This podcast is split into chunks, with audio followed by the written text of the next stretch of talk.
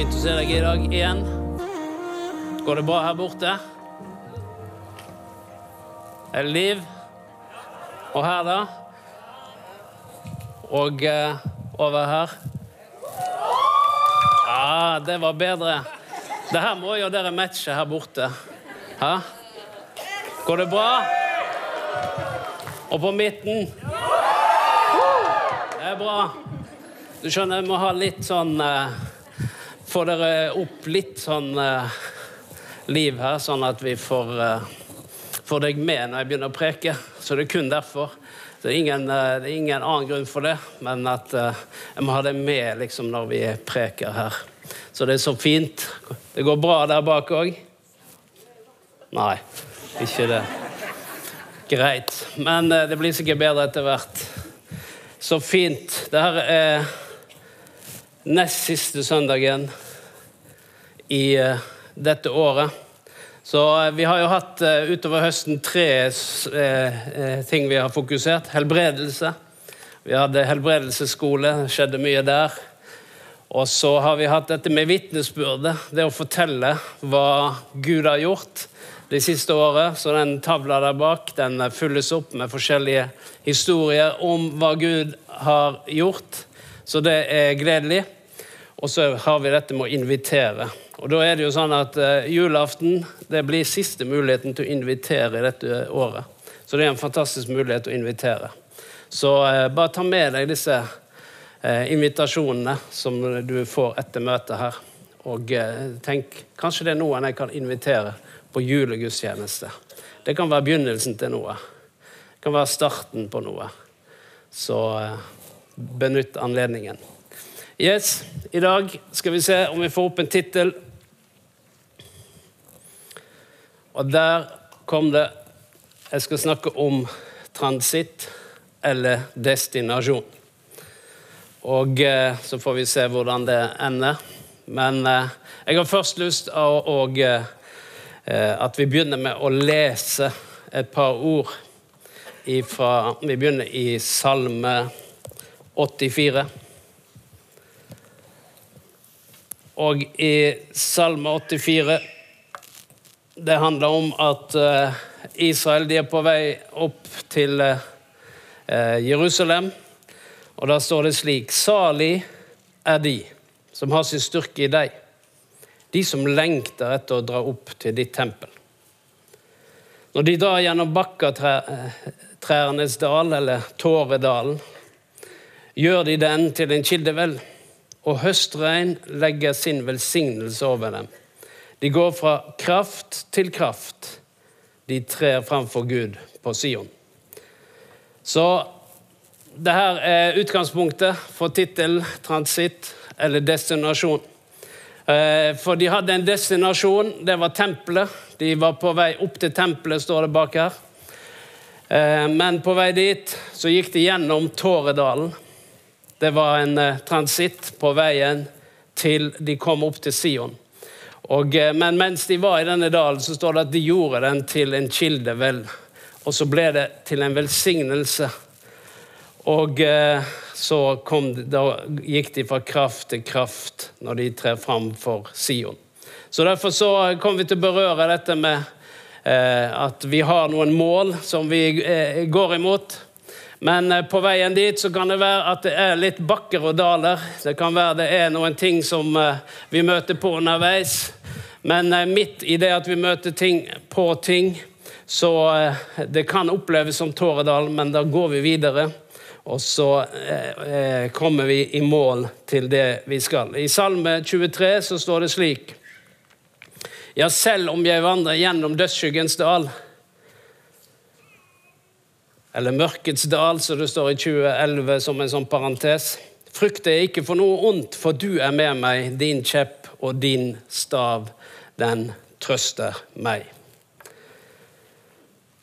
Og eh, igjen så står det at eh, når vi går igjennom dødsskyggens dal, så frykter vi ikke noe vondt. Fordi en transitt, det er et sted hvor du går igjennom. Det er ikke en eh, plass hvor vi skal slå oss til ro.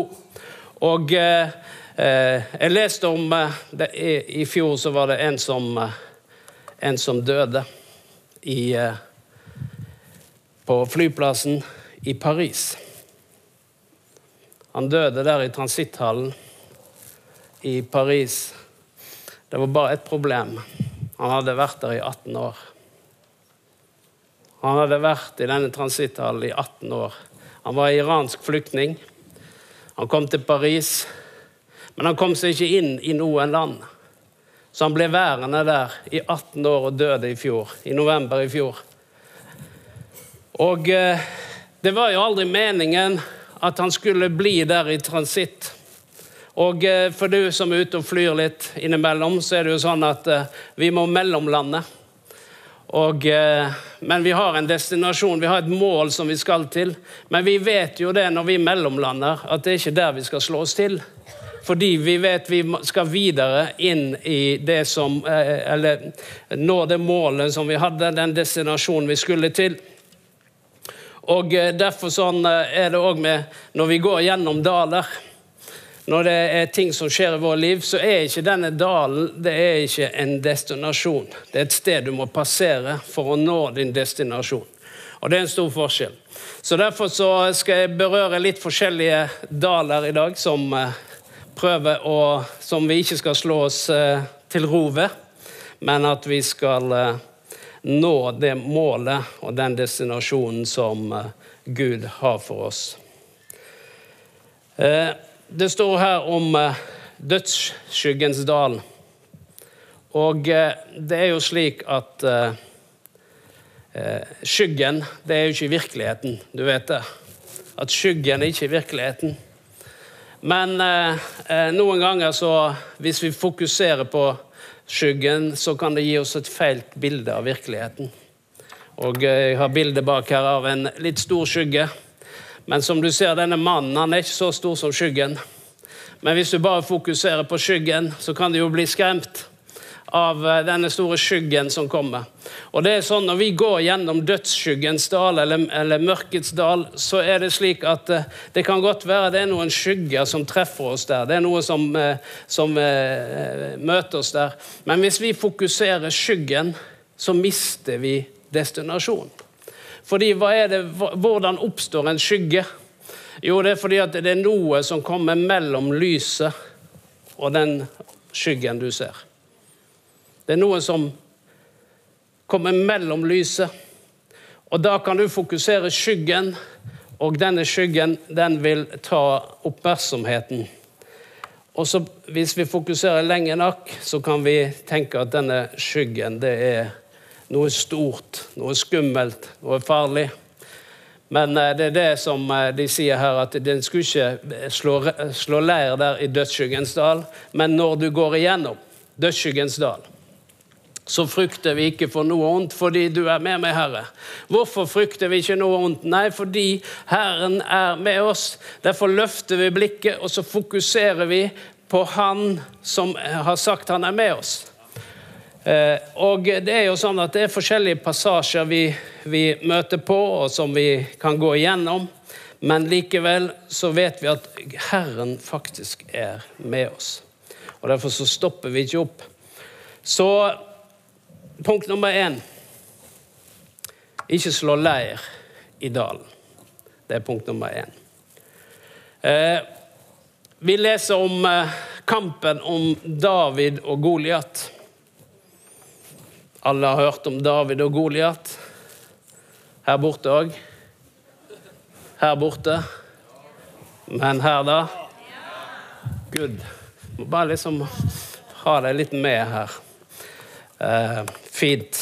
David og Goliat. Men denne kampen mellom David og Goliat den begynte ikke der. Men det står at eh, de var i Terebintadalen, står det. Og og i denne dalen så slo Israel leir, står det. De slo seg til der i dalen. Og så var det en som het Goliat, som kom og begynte å tale til dem. Og ropte til dem. Og Goliat var jo filister. Han eh, kom og ropte til dem hver dag i 40 dager. Og, eh, eh, og han hadde et budskap til dem. De satt der i leiren. De gikk ut hver dag og hørte på dette budskapet. Det var ikke et budskap av tro, det var ikke oppmuntrende. Nei, det var ødeleggende. Det, var, eh, det skapte mismot, det skapte frykt og redsel. Og derfor så eh, ble de mer og mer nedtrykt mens de var der. Men Gud hadde ikke tanke på at du skulle være der i leiren og høre på Goliat. Guds tanke var at de skulle kjempe ned Goliat. Men det gikk én dag, det gikk to dager. Og det var jo for så vidt greit, men så gikk det ti dager, det gikk 30 dager. Og til slutt så mista de fullstendig motet. Og det er det som skjer når vi stopper opp midt i dalen, når vi er på vei til en destinasjon. Og så begynner vi å høre på forskjellige budskap som kommer til oss. Budskap som ikke er fra Gud, men som kommer fra våre følelser, som kommer fra våre omstendigheter, som kommer fra ting vi hører eller folk sier. Og plutselig så lytter vi til disse tingene, og istedenfor å løfte oss opp, så trykker det oss lenger og lenger og lenger ned, og så blir vi mer og mer motløse. Og det var det som var situasjonen til Israel i 40 år. Nei, i 40 dager. Men i, i 40 år så gikk jo Israel i ørkenen. Og så står det det at eh, de var ledet av Gud ute i ørkenen der. Du vet det? Det var Gud som ledet ut i ørkenen. Men Guds plan var at han skulle ta dem gjennom den ørkenen og inn i det landet han hadde lovt dem. Men det skjedde noe underveis. fordi at det folket som skulle gå gjennom ørkenen, de var full av vantro og ulydighet. Så de fulgte ikke Guds signaler og Guds ord.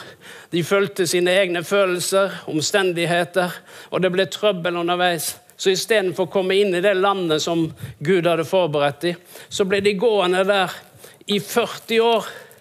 Men det var ikke Guds plan. Det var ikke meningen at det skulle gå der. Og Noen ganger så hører vi at folk sier at nei, jeg er inne i en ørkenperiode. Har du hørt om det?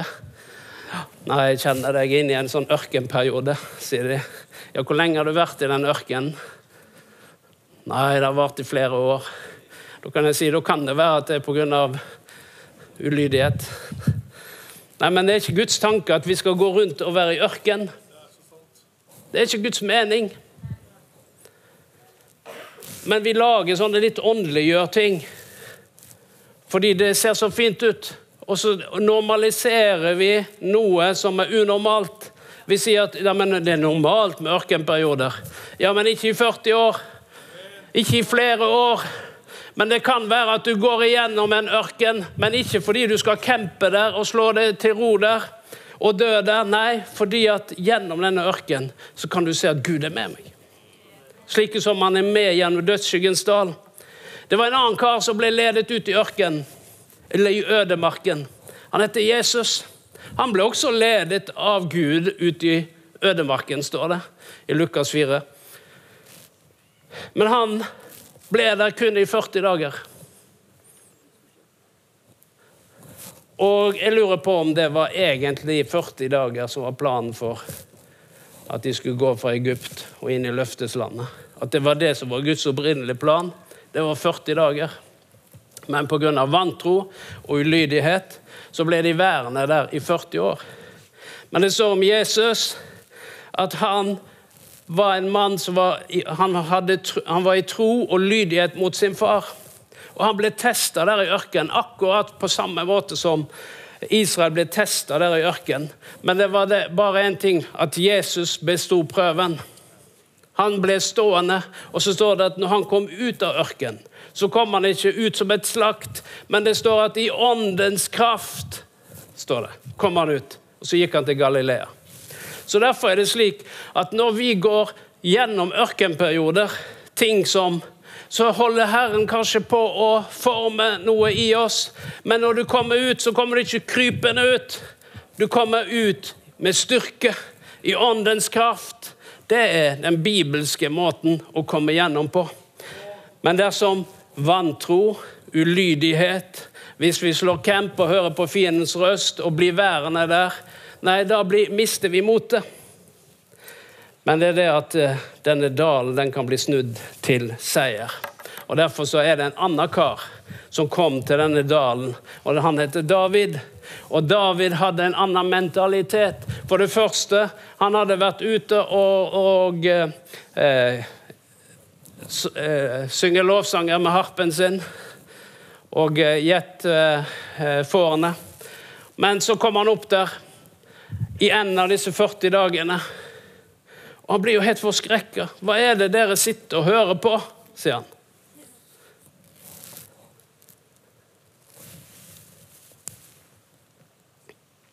Hvem er denne uomskårne filister som håner krigerne til en levende gud?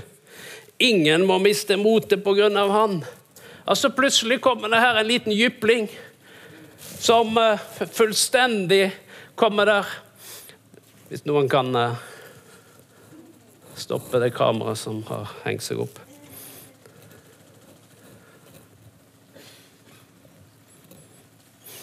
Det er ikke krig. Det er bare et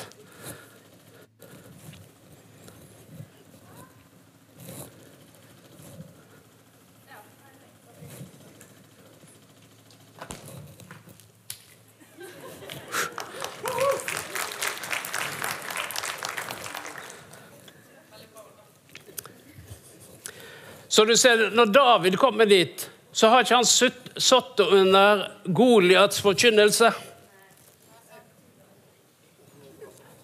Han kommer der fordi han er oppfylt av Gud. Han har vært med Herren for seg sjøl der ute i, eh, mens han har gitt fårene. Og Så kommer han dit og så tenker han, hva foregår her? Sitter dere her og hører på en uomskåren filister? Mister dere motet pga. han? Han er helt sjokkert. Mens hele gjengen som satt der, de tenkte ja, men dette, det, det, vi må jo sitte og høre på dette budskapet. Nei da, du trenger ikke det, skjønner du. Det, du. Du velger hva du vil høre på. Det er ikke slik at du må høre på det og det. Du velger å høre på meg akkurat nå òg. Men du må ikke. Men i hvert fall så er det slik at noen ganger så velger vi å høre på stemmer, på røster, på forkynnelse som vi burde sagt nei takk. Det der er nedbrytende. Jeg mister motet. Men det kan òg være omstendighetens røst. For noen ganger så er Goliat som en omstendighet. En stor omstendighet. Og omstendigheter, de har røst. Har du lagt merke til det? De begynner å tale til deg. En ting som et fjell som er stort og vanskelig. Plutselig så begynner de å snakke til deg. Og det budskapet de har, det er ikke 'det kommer til å gå bra'. Nei da, de kommer til å si 'det her kommer aldri til å gå bra'. Så begynner du å bekymre deg, og så begynner du å snakke som det fjellet. Du begynner å bli enig med denne Goliaten og si 'nei, det kommer ikke til å gå bra', det her. Jeg er sikker på. Det kommer til å gå nedenom hjem. Fordi den, den omstendigheten, den er for stor. Den er for stor. Penger har røst, visste du det? Pengene taler til deg. De sier 'det har du ikke råd til'. Du kommer aldri til å få råd til det. Nei, det må du ikke gjøre. Og Spesielt når du kommer til tienden, da begynner den stemmen veldig aktivt. Det er litt rart. Ikke når du skal på butikken og handle noe til deg selv, men når du skal gi til Guds rike, da begynner plutselig denne stemmen å snakke. Utrolig. Av å stille hele uka, helt til du kommer til at, at Alexander sier nå skal vi ta opp kollekten. Da begynner han å prate med en gang. Er ikke det rart at penger har røst?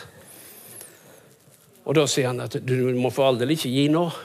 Tenk på den regningen der. tenk på Det Det er snart julaften. Tenk hvis du gir noe og ikke kan gi noe til jul. Men det er rart med penger som har en røst. Sykdom var òg en røst. Og Noen ganger så sier han til deg at det kommer ikke til å gå bra. Så prøver han å skape frykt. Og det var det David merker når han kom opp der, til at Goliat hadde holdt på å trykke ned hele gjengen. Og det er det. Men det som fienden hadde planlagt til et nederlag, med Guds hjelp, så snudde det til seier. Og det er det som skjer, men da må du ta et oppgjør med Goliat. Da må du si til disse røstene som prøver å fortelle deg forskjellige ting, og si 'Nei, jeg hører ikke på deg'. Hvem er du? Uomskårne filister, sa David. Det kan være noe annet navn du må sette på denne Goliat. Og si at 'hvorfor snakker du slik til meg?' I Jesu Kristi navn så befaler jeg deg å tie stille. Fordi Guds løfter er slik, og det Gud har sagt er slik. Og så begynner du å tale Guds ord istedenfor Goliats ord. Du begynner å eh, proklamere Guds tanker istedenfor det som fienden prøver å fortelle deg. Jeg har en til her. Gå aldri ned i kompromissets dal.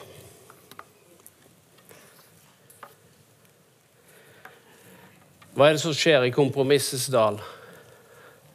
Det er der visjonene og drømmene gravlegges. Det er mange drømmer, det er mange visjoner som har uh, gått i graven pga. at de begynte å kompromisse. Fordi at uh, fienden han prøver å få oss ned i denne dalen for å overvinne oss gjennom diskusjon og såkalte fornuftige resonnement i et forsøk på å få deg til å kompromisse. Og Det beste eksempelet jeg kunne finne på, det er om Nehemja. Nehemja han hadde fått en visjon om at han skulle bygge opp igjen eh, eh, Egentlig nasjonen, men byen Jerusalem, murene. Det som skulle beskytte folket i byen, det skulle han bygge opp igjen. Han kom dit, og han satte i gang. Men med en gang han begynte å utføre visjonen, så ble det motstand. Det var noen som prøvde å stoppe han. Og, eh, og så sa de til han eh, La oss møtes i Onodalen. Har du vært i Onodalen? Det er ikke Mummidalen, det er Onodalen. Mummidalen er noe annet, men nå snakker vi om Onodalen. Og Onodalen det var en plass der i nærheten av eh, Jerusalem. Og så sier denne fienden, 'Kom, la oss møtes i Onodalen'. Fordi vi må diskutere. Vi må samtale. Vi må ha dialog, sier de. Ja, hva skal dere ha dialog om, sier eh, Nehemja. Nei, om at du bygger muren. Ja, men jeg trenger ingen dialog rundt at jeg har fått et oppdrag og jeg bygger denne muren. Ja, men du må komme ned her. Og så sier Nehemja til dem nei, jeg holder på med et stort og viktig arbeid, så jeg kan ikke komme ned. Fordi at da kan jo arbeidet stanse opp mens jeg forlater dere og drar ned til dere. Men de ga seg ikke, og det er det som er Når du har noe viktig for deg, så begynner denne kompromissen. Da begynner det å bli Og det står at eh, fem ganger fikk han samme beskjed. Fem ganger sendte de melding til han, 'Kom ned i dalen.' Hva gjorde Nehemja fem ganger? Svarte akkurat det samme. Jeg holder på med noe viktig. Jeg kan ikke stige ned. Jeg kan ikke komme ned. For det som er, det er at eh, fienden vil gjerne at du skal stige ned fra den plassen du er, slik at du begynner å diskutere. Slik at vi, vi, må ha en dialog. Men veldig ofte så er den dialogen den er basert på den andre sine følelser. Ikke på sannheten. Ikke fra det som Guds ord sier, men eh, en prøver å komme inn for at du skal kompromisse. For at du skal skifte retning. Tror du jeg har hatt sånne samtaler? Mange. Per Ove, mange. Og jeg husker For noen år siden så fikk vi en hel liten minihefte. Fordi vi ikke ville vike, fordi vi ikke ville kompromisse, fordi vi ikke ville endre kurs. Så var det noen de presset oss på teologi fordi at de ville presse oss. Folk i menigheten. De ville presse oss. Så det endte med at vi fikk en hefte på jeg vet ikke hvor mange sider. Og innledningen det var først å karakterisere meg og Per Ove. Det mest eh, nedlatende måte du kunne tenke deg, det var innledningen til den teologiske framførelsen. Men hva var hensikten? Presse oss. Hvor mange møter hadde vi hatt med de før det? Helt sikkert fem. kanskje flere. Fram og tilbake. Men det var et press, press, press for at vi skulle kompromisse. For at vi skulle endre kurs. Og det, når du står i noe viktig, så er det et press. Det presset kommer til å øke i tiden som kommer. Det kommer til å øke mot Guds folk og Guds menighet. Det kommer å, å øke mot de som sier at det fins en objektiv sannhet som heter Guds ord. Kommer det til å øke? Og vil, da vil du gjerne få deg ned i Onodalen, Mummidalen, og få deg til å diskutere. Ja, men hvis du føler deg sånn eller sånn, slik eller slik Og det må jo finnes flere enn to kjønn, f.eks. Det kan være andre ting. Men det blir sånn at ja, men det fins ingen objektiv sannhet. For det er det som er humanismen sin eh, tankegang. Det er at det fins ingen objektiv sannhet. Det som er rett for deg, er rett for deg. Men det som er rett motsatt, det er feil. Det, det, er sånn den er blitt. Før så var det sånn at OK, du har din tro, jeg har min tro. Du kan leve sånn, jeg kan leve sånn. Det er helt greit. Det var humanismen. Men sånn som det er blitt nå, det er sånn at eh, Nei, men sånn som jeg lever, det må være helt greit. Men sånn, du har ikke lov å mene noe om det. Du kan ikke ha din mening. Så vi står i en sånn Men det er et press for at vi skal gå ned i Onodalen og begynne å kompromisse. Men det kan også være sånn at det er ting som Herren har sagt til deg. Og de sier det hvis du vil at ingenting skal skje, så sett ned en komité.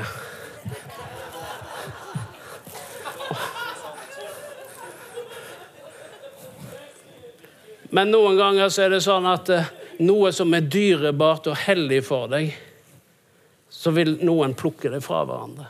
Slik at du skal miste motet. At du skal miste retning.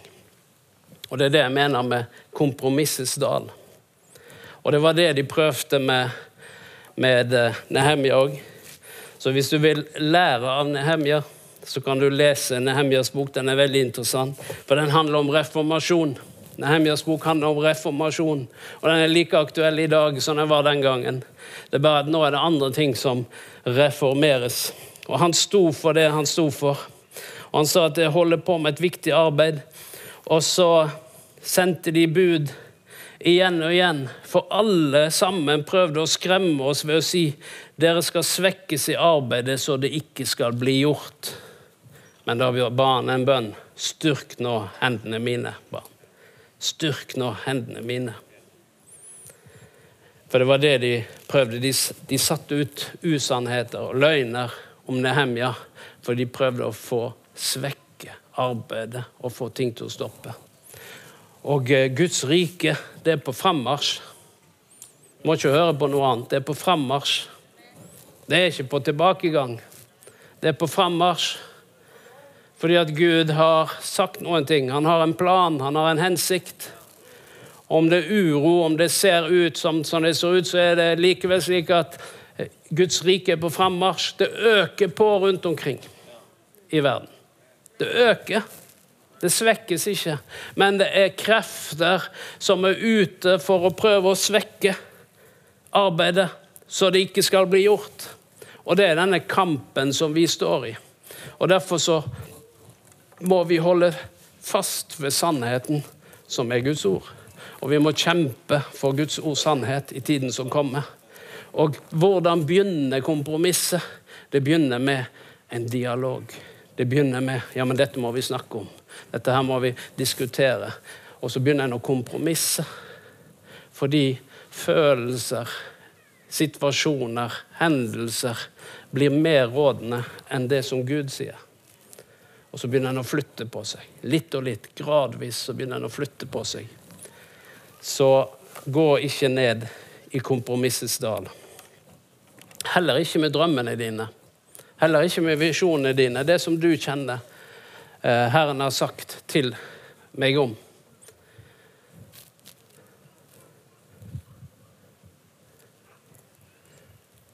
Og eh, det kom til meg, Stein Du har et oppdrag.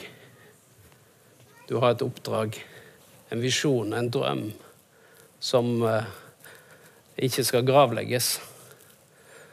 Men den skal, skal fullføre det som Herren har talt til deg om.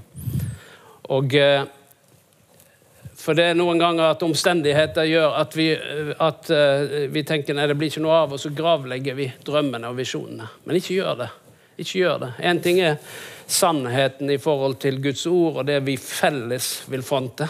Men så er det også sånne personlige eh, veier som, eh, som vi og, og, det kommer fornuftige tanker og, og, og ting som prøver å hindre på veien, slik at du skal velge en annen kurs enn det som var din opprinnelige plan. Yes. Men det er òg slik at i denne dalen så blir byggverket vårt testet.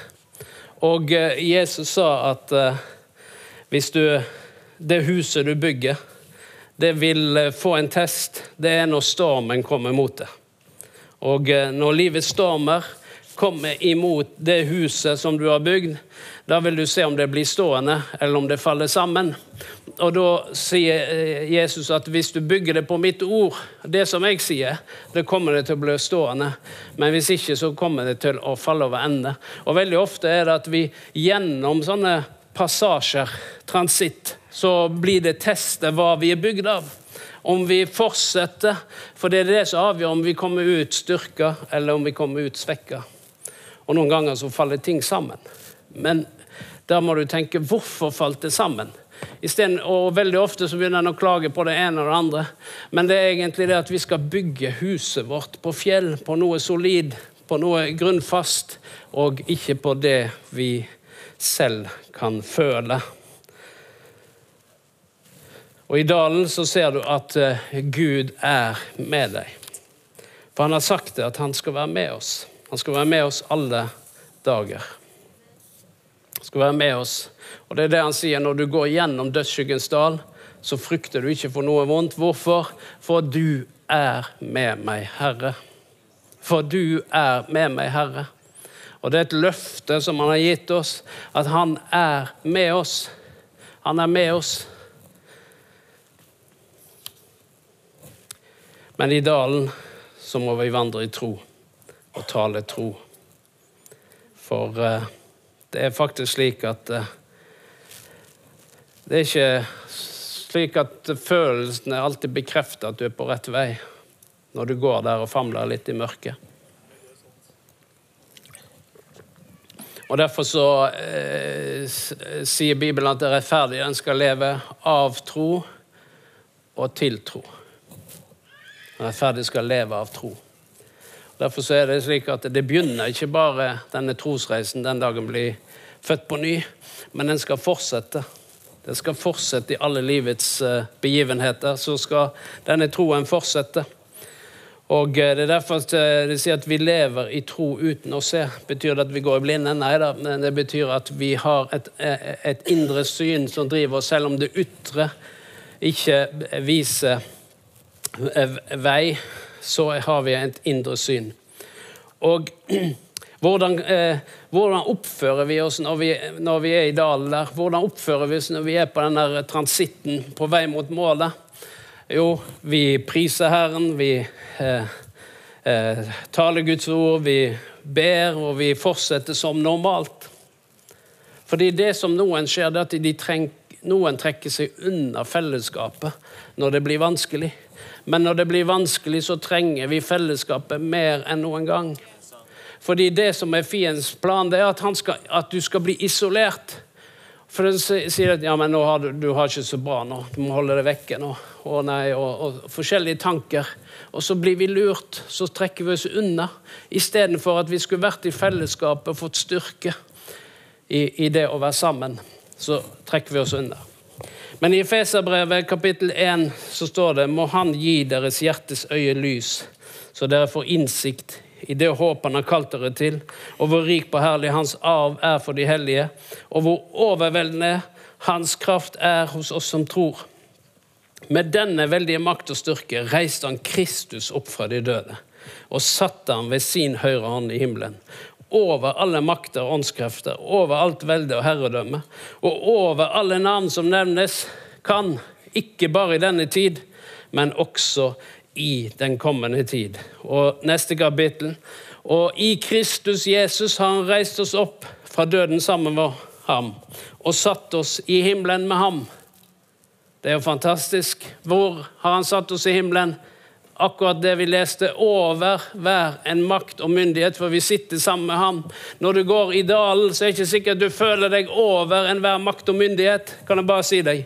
Det kan være at du følelsesmessig så opplever en at en, en går der alene, men du gjør ikke det. Fordi at eh, vi, han har satt oss i himmelen over enhver makt og myndighet.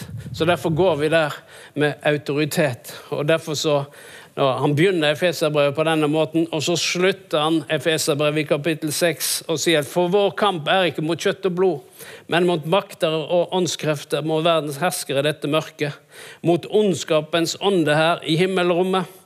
Men da er det godt å vite at han har satt oss over alle disse, sammen med Kristus.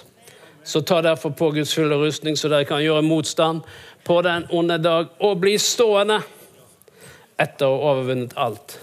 Det er det som er Guds plan med oss. Mens vi er i transitt, så kan det være at det er en ond dag, men vi skal bli stående fordi vi skal fullføre løpet og så skal vi overvinne alt. Og I 2. Korinterbrev 2,14 så står det at men Gud være takk, som alltid lar oss lede til seier i Kristus. Og det er det Når vi vender oss inn mot Kristus, så er det at uansett hva som skjer, så er vi på det seirende laget. Vi vet det. Fordi at det er Kristus som vant evig seier. Og Kristus er vår seier. Og Derfor er det slik at når vi møter ting, så går vi til Kristus så går vi og, og, og ber om hjelp ifra ham, slik at vi kan komme, komme styrka ut. Det står at de som gikk opp til Sion, de gjorde Tåredalen til en kildevel. Og eh, det var litt som Alexander sa, at vi kan, vi kan eh, Min sjel lovpris Herren. For noen ganger så må du faktisk tale til din sjel og si at nå må du lovprise Herren. Ja, men jeg føler ikke for det. Og det er det som er troens vandring. Det er faktisk å lovprise uansett. Å danse når du ikke føler for det. Nei, det føler jeg aldri for, sier du. Nei, men du kan trene hjemme når ingen ser deg. Helt alene. Kan du danse litt. Midtbevegelse var at han sto opp og danste hver eneste morgen, sa han. Han begynte morgenen med litt dans. For derfor han ville ikke la noe feste seg på. Be i tunga i Den hellige ånd. Ja, Men jeg føler ikke for det.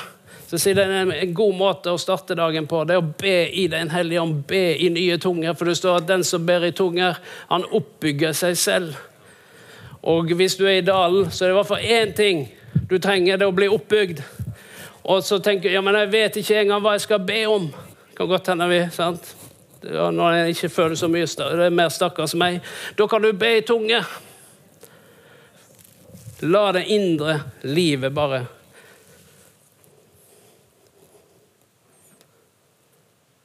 Fordi Guds tanke er at vi skal bli stående etter å ha overvunnet alt. Vi er på vei. Ikke en plass som vi skal stoppe men vi er på vei igjennom ting. Og jeg tror vi alle kan kjenne igjen noen eh, faser i livet som har vært litt mer utfordrende. Men da er det å fortsette. Da er det å fortsette, og så bare fortsette en. Fordi vi vet at vi er på rett kurs.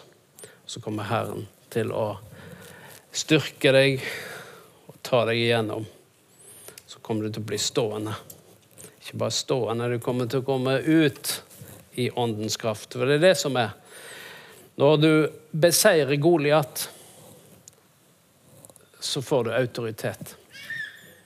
Da skjer det noe.